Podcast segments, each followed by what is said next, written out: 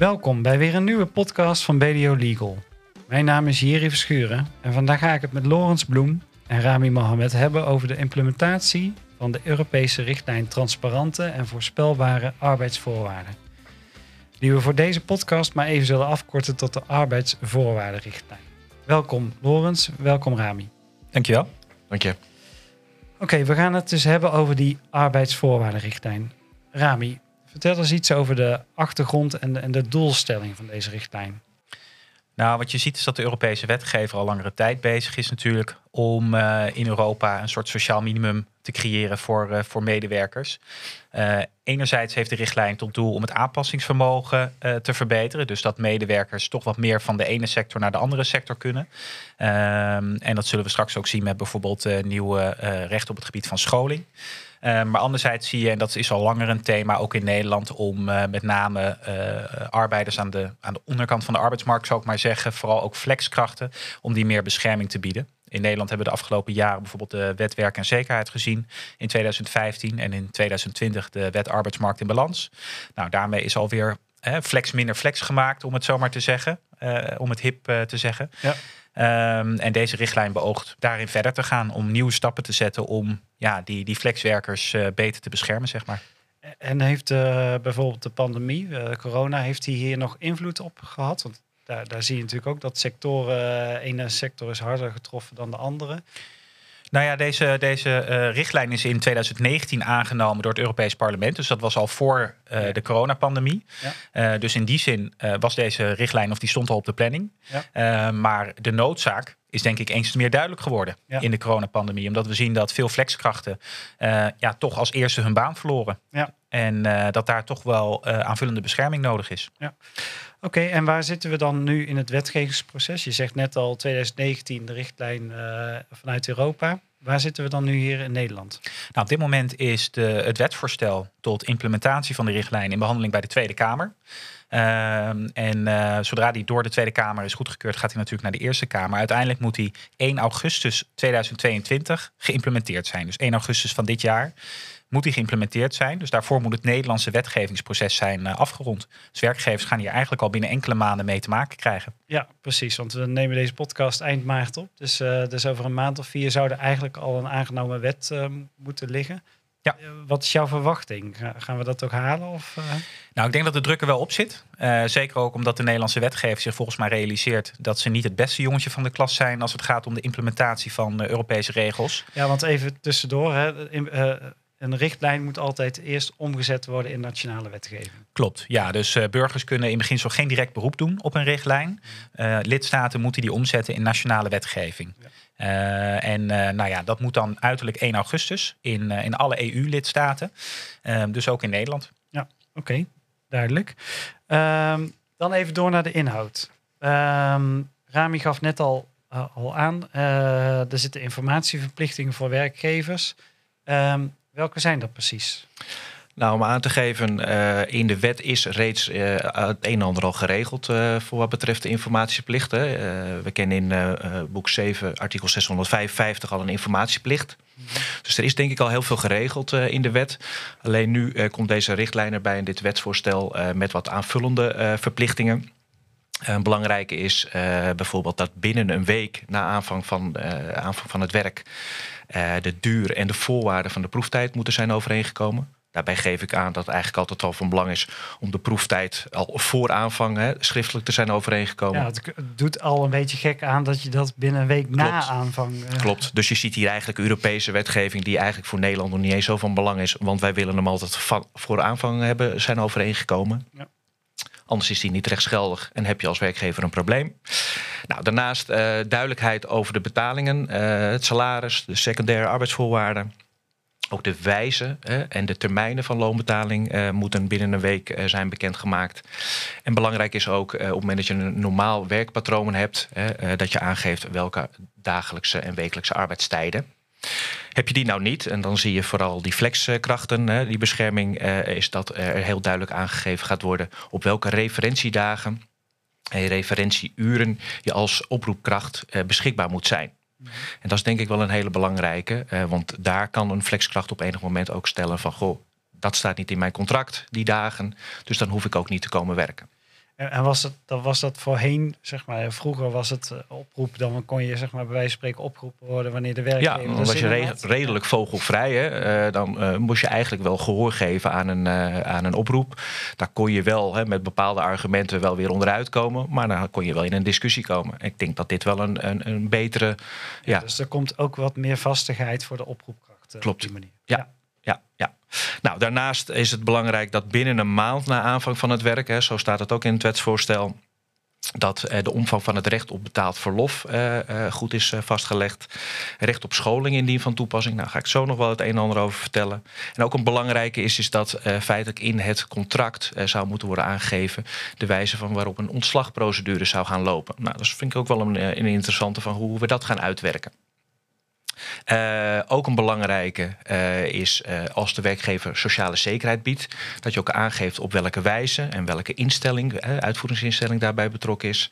Je kunt denken aan bijvoorbeeld pensioenregeling. Je kunt denken aan bijvoorbeeld een WGA-gatverzekering. En dat daar ook duidelijkheid over is onder welke regelingen je allemaal valt als werknemer. Ja, dat is is niet typisch iets wat ik nou herken uit een arbeidsovereenkomst, dat dat er allemaal al in staat. Nee, je ziet heel vaak dat werkgevers allerlei regelingen hebben, maar dat daar niet altijd heel transparant is uh, richting uh, werknemers. Ik moet zeggen dat ik ook werkgevers zie die zelf niet altijd helemaal weten welke regelingen ze eigenlijk allemaal hebben. Dus het geeft werkgevers ook weer hè, de mogelijkheid om uh, daarin ja, toch even wat meer vooraf na te denken over van goh, wat ga ik eigenlijk allemaal co communiceren richting mijn personeel? Ja. En hoe ziet eigenlijk mijn arbeidsvoorwaardenbeleid eruit? Dus het zet werkgevers ook wel weer aan het denken hè, over hun eigen arbeidsvoorwaardenbeleid. Ja, oké.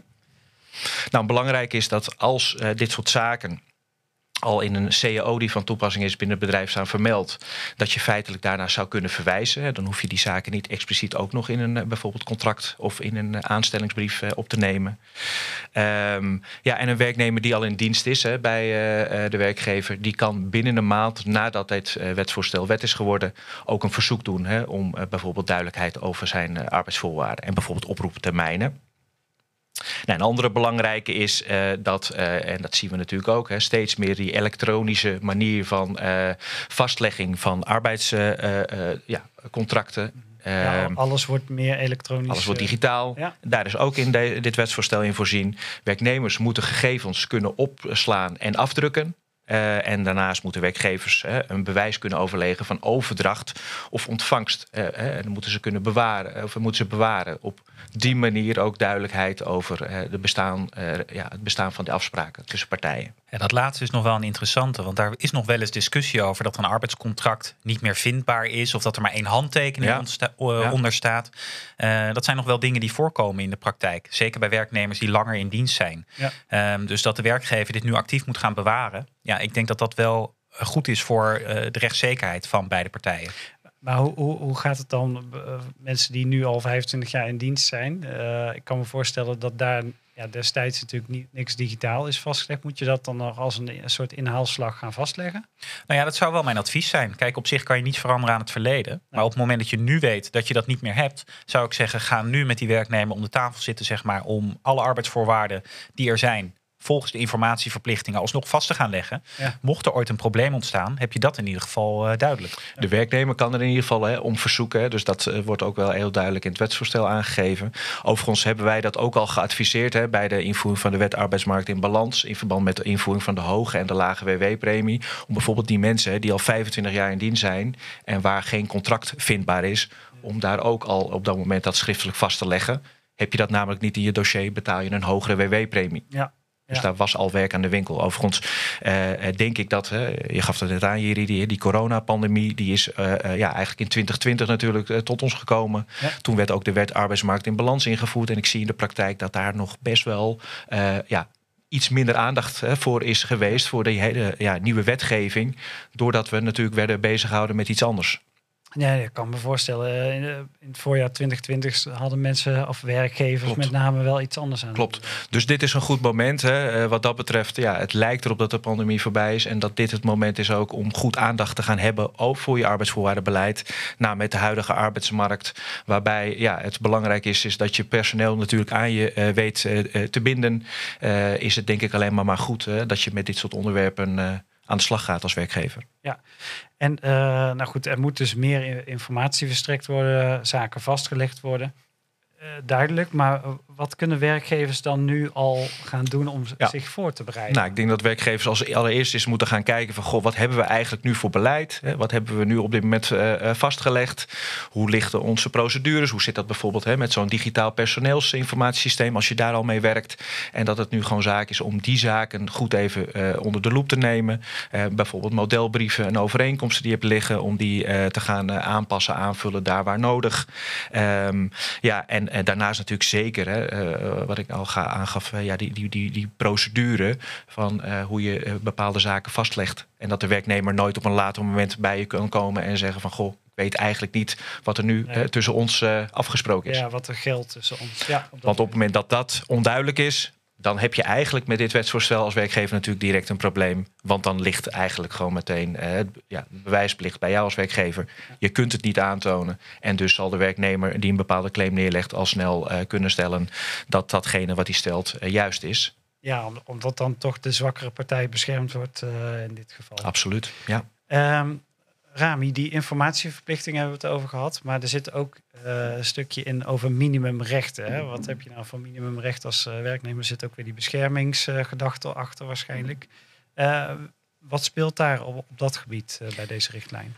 Nou, om even twee punten te noemen. Allereerst, Loren zei al, in het kader van die informatieverplichting hebben werkgevers de plicht om referentiedagen en uren eh, vast te stellen op het moment dat het arbeidspatroon onvoorspelbaar is. Ehm, en een van de minimumrechten die erbij komt, is dat eh, werknemers die dus geheel of grotendeels een onvoorspelbaar arbeidspatroon hebben, dat die buiten die referentiedagen en uren niet hoeven te werken. Dus dat is dus anders dan de huidige praktijk, waarbij we zien bijvoorbeeld bij nul uren contracten dat werknemers te pas en te onpas worden opgeroepen en soms ook heel kort van tevoren. Ehm, ja, dat is straks niet meer eh, zomaar mogelijk. Je moet dus aan de voorkant als werkgever samen met de werknemer referentiedagen en uren vaststellen. En alleen binnen die tijdvakken kan je een werknemer oproepen om te komen werken. Dus dat geeft de werknemer eigenlijk veel meer zekerheid over hoe hij ook hij of zij zijn privéleven kan inrichten. Ja, le- alleen ja, dat lijkt me dan weer op gespannen voet te staan met de flexibiliteit die we ook allemaal ervaren hebben in de coronatijd. Van ik kan eigen tijd indelen, veel thuiswerken. ehm, nou, als ik overdag wil sporten, dan doe ik s'avonds mijn werk. Zeg maar. Dus de werknemer kan soms ook juist eh, vrijheid, of beter gezegd, eh, dat zelf indelen, heel graag willen, die flexibiliteit. Ja, maar zelf indelen is hier eigenlijk geen sprake van. Hè? Omdat als de werkgever een, iemand met een nul euro contract oproept, moet hij of zij komen. Ja, precies. Hè, dus ja. het is niet zozeer flexibiliteit, maar het is meer gewoon een verplichting om te pas en te onpas beschikbaar te zijn. Ja, En daar wil de Europese wetgever eigenlijk vanaf. Ja, snap ik. Dus daar zit echt ook wel een verschil tussen mensen die gewoon in loondienst zijn en een vast, eh, eigenlijk fulltime werken of bijna fulltime. En de oproepkrachten. Klopt. Nou lees je hier ook nog over hè, dat eh, werkgevers dan zeggen... oh, nou, dan ga ik gewoon aangeven dat ze zeven dagen per week oproepbaar zijn. Hè, 24 uur. eh, want ja, wij zijn nou eenmaal een bedrijf waar ja, mensen klaar moeten staan... zodra we ze nodig hebben. Ja. Wat denk jij daarvan, Rami? Nou ja, dat gaat, eh, gaat waarschijnlijk niet geaccepteerd worden, verwacht ik in de rechtspraak. Dat is ja, hetzelfde zoals we nu bij min-max contracten hebben gezien. Hè? Een, een min-max eh, van 0 tot 40 uur per week. Dat je hem zo breed mogelijk maakt. precies. Of een, eh, we hebben bij de hoge lage WW-premie ook wel vragen gehad over, nou wat als ik nu één uur per week afspreek met mijn werknemer, Ja. Een vaste arbeidsomvang, dus ik val onder de lage WW-premie, onbepaalde tijd, maar ik ga alleen maar meer oproepen.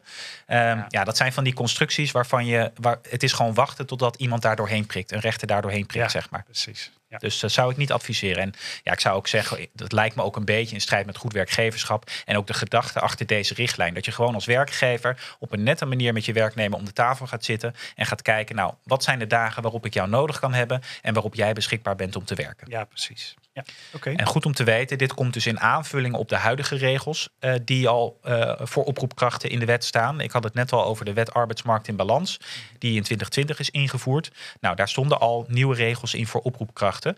Ehm, bijvoorbeeld dat het, eh, als, het, als we het hebben over de oproeptermijn. Oproepkrachten moeten in beginsel tenminste vier dagen van tevoren worden opgeroepen om te komen werken. Ja. Bij CAO kan dat nog worden verkort tot 24 uur van tevoren. Maar een werknemer moet dus redelijk op tijd weten wanneer hij of zij moet gaan werken. En daarnaast moeten oproepkrachten na 12 maanden een aanbod krijgen voor een vaste arbeidsomvang. Ja. Op het moment dat hè, het dienstverband voortduurt, zeg maar.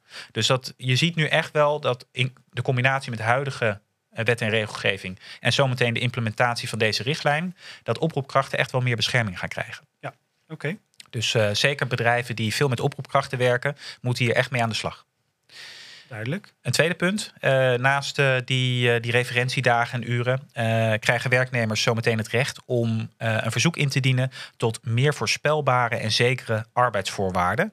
Nou, dat is een wat vaag begrip en ik ben bang dat ik hem niet helemaal helder kan gaan maken vandaag. Nee. Want zo staat hij ook gewoon in het wetsvoorstel. Um, een werknemer moet tenminste zes maanden in dienst zijn. Ja, en kan dat verzoek dan schriftelijk of elektronisch doen.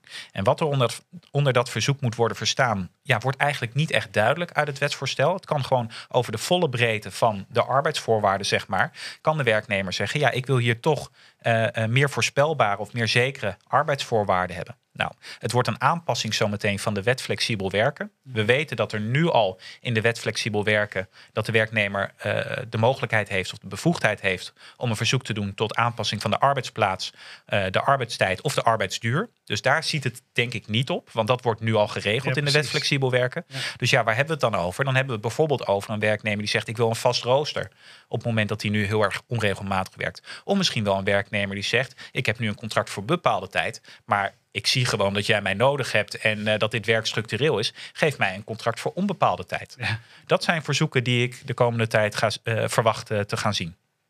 Oké. Okay.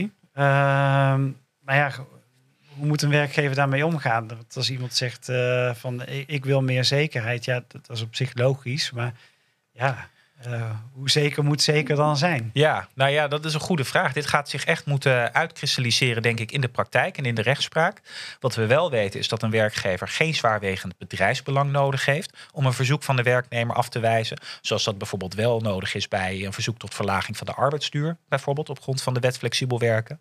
Dus dat is niet nodig. Een werkgever moet het overwegen, maar mag het ook gewoon afwijzen en heeft daarvoor geen zwaarwegend bedrijfs- of dienstbelang nodig. Maar goed, daar zeg ik wel gelijk bij. Let altijd op de doorwerking van goed werkgeverschap, want dat werkt eigenlijk door in het volledige arbeidsrecht. Je moet als werkgever altijd als goed werkgever blijven handelen. En dat betekent dat je het ook wel echt moet overwegen. En als je het afwijst, ja, zou ik ook altijd een goede reden daarvoor geven dat je het, uh, dat je het niet inwilligt. Nee, precies. Dus je hoeft niet dat uh, zwaarwegend uh, belang naar voren te toveren. Maar het is wel goed om, om zeg maar echt erop in te gaan. en het af te wijzen met een goede reden. Zeker. En dat afwijzen moet ook binnen een bepaalde termijn. Op het moment dat je als werkgever tenminste tien werknemers hebt, dan moet je dat binnen een maand doen. Dus je moet binnen een maand beslissen op het verzoek van de werknemer tot meer zekere voorspelbare arbeidsvoorwaarden. Heb je nu minder dan tien werknemers, dan moet dat binnen drie maanden. Dus uh, dat zijn termijnen waar je als werkgever echt wel rekening mee moet houden. Zeker ook omdat als je niet tijdig beslist, wordt het verzoek ingewilligd in overeenstemming met het verzoek van de werknemer. Dus uh, zorg ervoor dat je als werkgever echt een bepaald protocol implementeert ja. om die verzoeken gestructureerd te kunnen behandelen. Want er zou er maar één tussendoor glippen van een werknemer die verzoekt om een contract voor onbepaalde tijd. Ja, dan zit je daar straks aan vast. Dat moet je natuurlijk niet hebben. Toch vind ik het gek, hè? Want als je dat niet zou willen als nee, werkgever. Nee, snap ik. maar bijvoorbeeld dat voorbeeld van bepaald, onbepaald.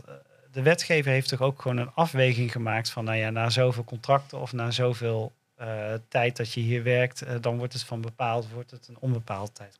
Die, die, die afweging, die belangenafweging, die is dan toch al in de wet gemaakt. Dus dan kan je, dan lijkt mij heel gek dat je dan als werknemer na nou, na een jaar zelf kan zeggen van ja, nou uh, wordt het wel eens tijd voor onbepaald.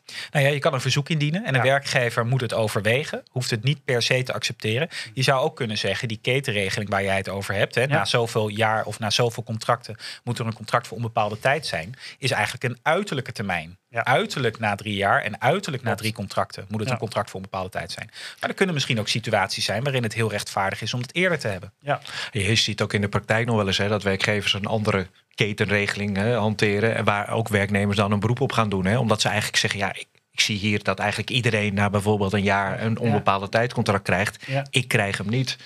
Hoe zit dat werkgever? Hè? Dus dat is altijd wel weer. En zeker als een bedrijf dat bijvoorbeeld in, in een, een bedrijfsreglement opneemt, dan ja, ga je ook bepaalde verwachtingen wekken. En kan je wellicht hiermee van doen krijgen. Ja. Overigens, ik wilde nog even aanvullen bij de, de, deze hele bescherming hè, van flexkrachten. Aan de ene kant heel goed, hè? Ik bepaalde, hè, wat jij ook aangeeft aan de onderkant van de, van de arbeidsmarkt. Aan de andere kant zie je in de praktijk toch ook wel dat er heel veel oproepkrachten, hè, dan heb ik het met name over studenten, et cetera, of mensen die het er gewoon eens bij doen, hè, die, die willen ook flexibiliteit. En uh, die vinden al deze extra regels ook niet altijd heel wenselijk. Hè. Uh, even als voorbeeld uh, dat je na een jaar het aanbod moet krijgen als werknemer om het gemiddeld aantal uren wat je in het afgelopen jaar hebt gewerkt als contract aangeboden te krijgen, een vaste arbeidsomvang.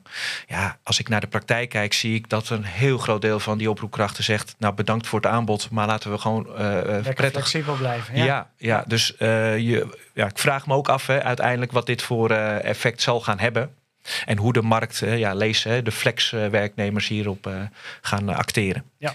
Ja. Nou ja, je ziet in algemene zin, uh, daar nog even als laatste puntje, uh, dat de wet flexibel werken niet bij heel veel werknemers echt direct op het netvlies staat. Hè? Dus Precies. het is de vraag hoeveel werknemers gaan je ook echt gebruik van maken om dat verzoek in te dienen. Ja, ja.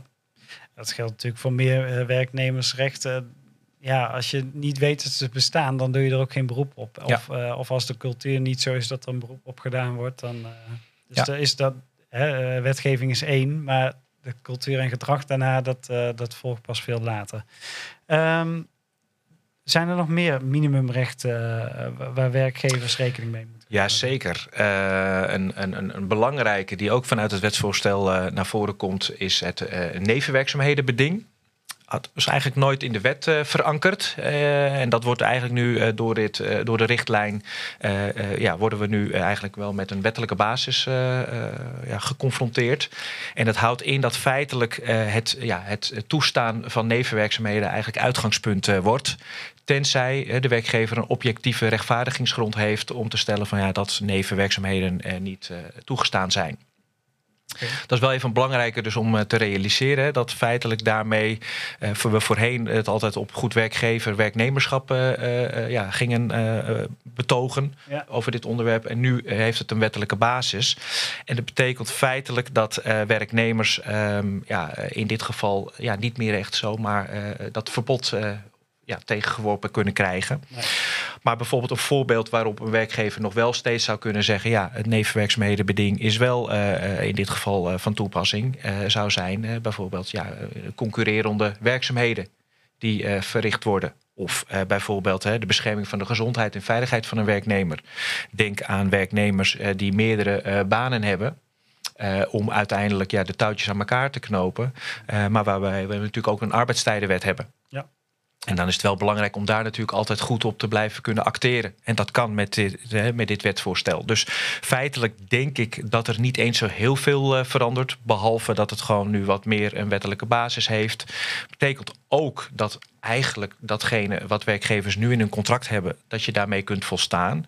Want het betekent namelijk ook dat op het moment dat een situatie zich voor gaat doen in de praktijk, straks als uh, het wetsvoorstel uh, wet is geworden, uh, dat op dat moment de toets gaat plaatsvinden van die objectieve rechtvaardigingsgrond. Oftewel, dan kan de werkgever stellen: ja, ik heb hier ook echt een objectieve reden om in dit geval deze nevenwerkzaamheden niet toe te laten staan. Feitelijk zou je dus kunnen volstaan met de huidige bedingen zoals die in de contracten zijn opgenomen, vaak van werkgevers. Ik denk wel dat het goed is als, eh, als je als werkgever toch gaat nadenken over je beleid omtrent nevenwerkzaamheden. Ja, je kunt ook daarin van tevoren al wat transparanter zijn. Hè? Door bijvoorbeeld bepaalde werkzaamheden wel duidelijk op papier te zetten van nou, dat in ieder geval niet. Dat vinden wij gewoon een hele belangrijke. En uh, dat wil ik wel uh, wat dat betreft werkgevers meegeven. Uh, om daar gewoon ja, is serieuzer met, met dat onderwerp om te gaan. En dat niet eigenlijk als een soort standaardbepaling in het contract op te nemen. Hetgeen eigenlijk nu vaak het geval is. Ja, het lijkt me ook niet handig om juist te schieten met hagel in je contract dan. Hè? Dus dat je zegt van je mag nooit ergens anders werken, want dat is uh, slecht voor de concurrentie en de veiligheid. Zeg maar. dat, dat, nee. dat gaat niet werken. Je moet je denk ik als werkgever ook realiseren dat die contracten worden natuurlijk in de hele organisatie gebruikt. Hè? Dus je kan zeggen, ik heb een nevenwerkzaamhedenbeding en daarin verbied ik alles. Ja. En ik als werkgever, als, als, als uh, CEO of als HR-specialist weet, oké, okay, als er een objectieve rechtvaardigingsgrond is, dan mag dat, maar anders niet. Maar de leidinggevende weet dat niet. Nee. Hè? Dus ik zou er eigenlijk wel voor pleiten om contracten aan te passen. En dat gewoon als je een klein bedrijf bent of je wilt dat niet helemaal uitwerken, gewoon de, de wet over te nemen. Gewoon te zeggen, nevenwerkzaamheden verbieden we als daar een objectieve rechtvaardigingsgrond voor is. Ja. En dan kan je altijd te zijner tijd wel kijken, is die er? Ja. Maar dan heeft de organisatie wel een handvat, zeg maar. Ja. Ja, waarbij je dus hè, bepaalde functies wellicht al heel duidelijk kunt stellen waarom je hè, eh, in een bepaalde situatie stelt dat nevenwerkzaamheden niet zijn toegestaan. Ja. Als iemand echt met hele vertrouwelijke bedrijfsinformatie hè, bezig is en daarin bijvoorbeeld ook als ZZP'er hè, eh, bijvoorbeeld nog wat werkzaamheden ernaast doet, het is bekend bij de werkgever, ja, dat je daar natuurlijk wel heel erg eh, ja, alert op bent. Ja, en wat denk ik wel goed is om te weten, je mag nog natuurlijk als werkgever wel altijd blijven vereisen dat werknemers toestemming vragen. En ik denk dat dat nu nog belangrijker is geworden met dit wetsvoorstel. Dat je als werkgever wil weten wat wordt er gedaan. Ja, precies. Zodat je vervolgens kan besluiten op basis van wet en regelgeving ga ik dit wel of niet toestaan. Ja, Maar het feit dat je toestemming, dat werknemers toestemming moeten vragen, dat mag nog steeds. Ik kan me voorstellen, als jij eh, een werknemer in dienst hebt voor, voor drie dagen, je wil hem zelf ook geen contractsuitbreiding bieden. Ja, dat zo'n werknemer ook die andere twee dagen zou willen vullen als hij fulltime aan de slag eh, wil. Dan hoeft natuurlijk elkaar ook helemaal niet te bijten als je niet in dezelfde branche. eh, je hoeft, eh, er wordt natuurlijk altijd meteen gedacht van, ja, daar gaat hij bij de concurrent werken. Maar ja, er zijn natuurlijk miljoenen banen die eh, kan oppakken in die andere tijd. Ja, klopt helemaal. Klopt Ja. helemaal. Wat je niet wil als werkgever is dat allerlei werknemers maar nevenwerkzaamheden gaan verrichten waar je niets van af weet. Dus het feit dat je toestemming vraagt, dat mag gewoon. Maar weet als werkgever, ik kan het niet zomaar weigeren. Zoals dat eigenlijk tot nu toe welkom. En, Ja. en zit, daar nog een, zit daar nog een verschil tussen betaald en onbetaald? Want ja, dan misschien onbetaald zijn het geen nevenwerkzaamheden, maar vrijwilligerswerk bijvoorbeeld. Nou ja, wat je vaak ziet is dat die nevenwerkzaamheden bedingen in arbeidscontracten heel uitgebreid zijn. Dus betaald en onbetaald, direct en indirect, eh, in Nederland en daarbuiten zeg maar, niks mag. Nee. Dus je moet daar, eh, ja, je, dat, daar heeft het ook betrekking op. Het wetsvoorstel zegt niet, dit ziet alleen op betaalde nevenwerkzaamheden. Nee, je ziet natuurlijk ook nu in contracten eh, van parttimers hè, het ook gewoon ja, eigenlijk standaard te worden opgenomen. Waarbij je natuurlijk de, af, de vraag moet stellen van ja, goh, kan dat wel? Want Ja. iemand moet ook nog de mogelijkheid hebben om daarnaast te kunnen werken. Daarnaast eh, ja, denk ik dat het ook wel aansluit bij de huidige arbeidsmarkt. Hè, de toekomstige arbeidsmarkt. Waarbij mensen zeggen ja, ik ga niet alleen maar voor één werkgever aan de slag. Ik vind het juist leuk om voor twee verschillende werkgevers te werken. Hè, om het werken afwisselend eh, te maken. Dat zie je toch in de praktijk steeds meer gebeuren. Ja. Ehm, Oké, eh, nou is ook in het begin van de podcast al een paar keer het woord scholing eh, gevallen. Ja, ja, want dan gaan we eigenlijk denk ik naar eh, nou, toch wel het, het, het, het slotstuk. Hè? En dat is denk ik wel eentje waar werkgevers wel heel erg ja, mee aan de slag moeten binnen hun bedrijf. Omdat we gewoon in dit geval te maken gaan krijgen met wat ja, nieuwe wetgeving omtrent scholing. En dan met name ook met betrekking tot eventuele afspraken omtrent de kosten daarvan. En eventueel ook de bekende terugbetaling van studiekosten op het moment dat een werknemer vertrekt bij een werkgever. Ja, Ehm, in het wetsvoorstel wordt namelijk hè, het recht van werknemers aangegeven hè, om verplichte scholing kosteloos te ontvangen. Nou, en eh, het zegt het al, hè, verplichte scholing En kosteloos. en kosteloos. Eh, en dan hebben we het over kosteloos in het kader van eh, tijd. Maar ook hè, de, de, de opleidingskosten, eh, bijvoorbeeld de examenkosten, de boeken, et cetera. Al die kosten vallen daaronder. Nou, en een belangrijk is, wat, wat, eh, wat heeft dan eh, die richtlijn aangegeven? Het moet dus gaan om verplichte opleidingen. En eh, het moeten bijvoorbeeld opleidingen zijn die verplicht zijn op grond van de wet of op basis van de CAO.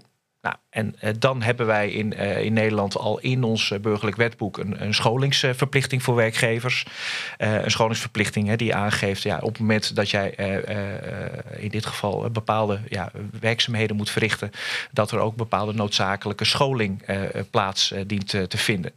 Nou, en daar gaat denk ik straks de discussie over tussen werkgevers en werknemers. Is van ja, wanneer is nou een opleiding verplicht? Wanneer is die nou noodzakelijk? Ja. Eh, En wanneer is die wenselijk? Want dat kan natuurlijk ook, hè, dat de opleiding wel wenselijk is, maar misschien niet noodzakelijk. Nee. Ja, dat gaat wel inderdaad, wat jij zegt, Lorenz, discussie opleveren straks. Daarbij opgemerkt dat er wel in het wetsvoorstel een aantal eh, eh, beroepen weer zijn uitgezonderd van deze verplichting. Om, eh, om kosteloos zeg maar, die opleidingen te, volgen. En waarbij dus ook geen studiekostenbeding zou.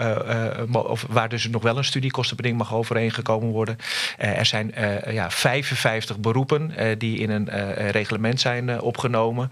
Ehm, eh, als voorbeeld verpleegkundige of kraammachinist. Daarvan wordt specifiek van gezegd, eh, die vallen niet onder deze eh, wetgeving. Ehm, dus die zijn dan gevrijwaard. Eh, maar in al die andere situaties, ja, dan krijgen we de discussie van, zijn dit nu verplichte CQ noodzakelijke opleidingen.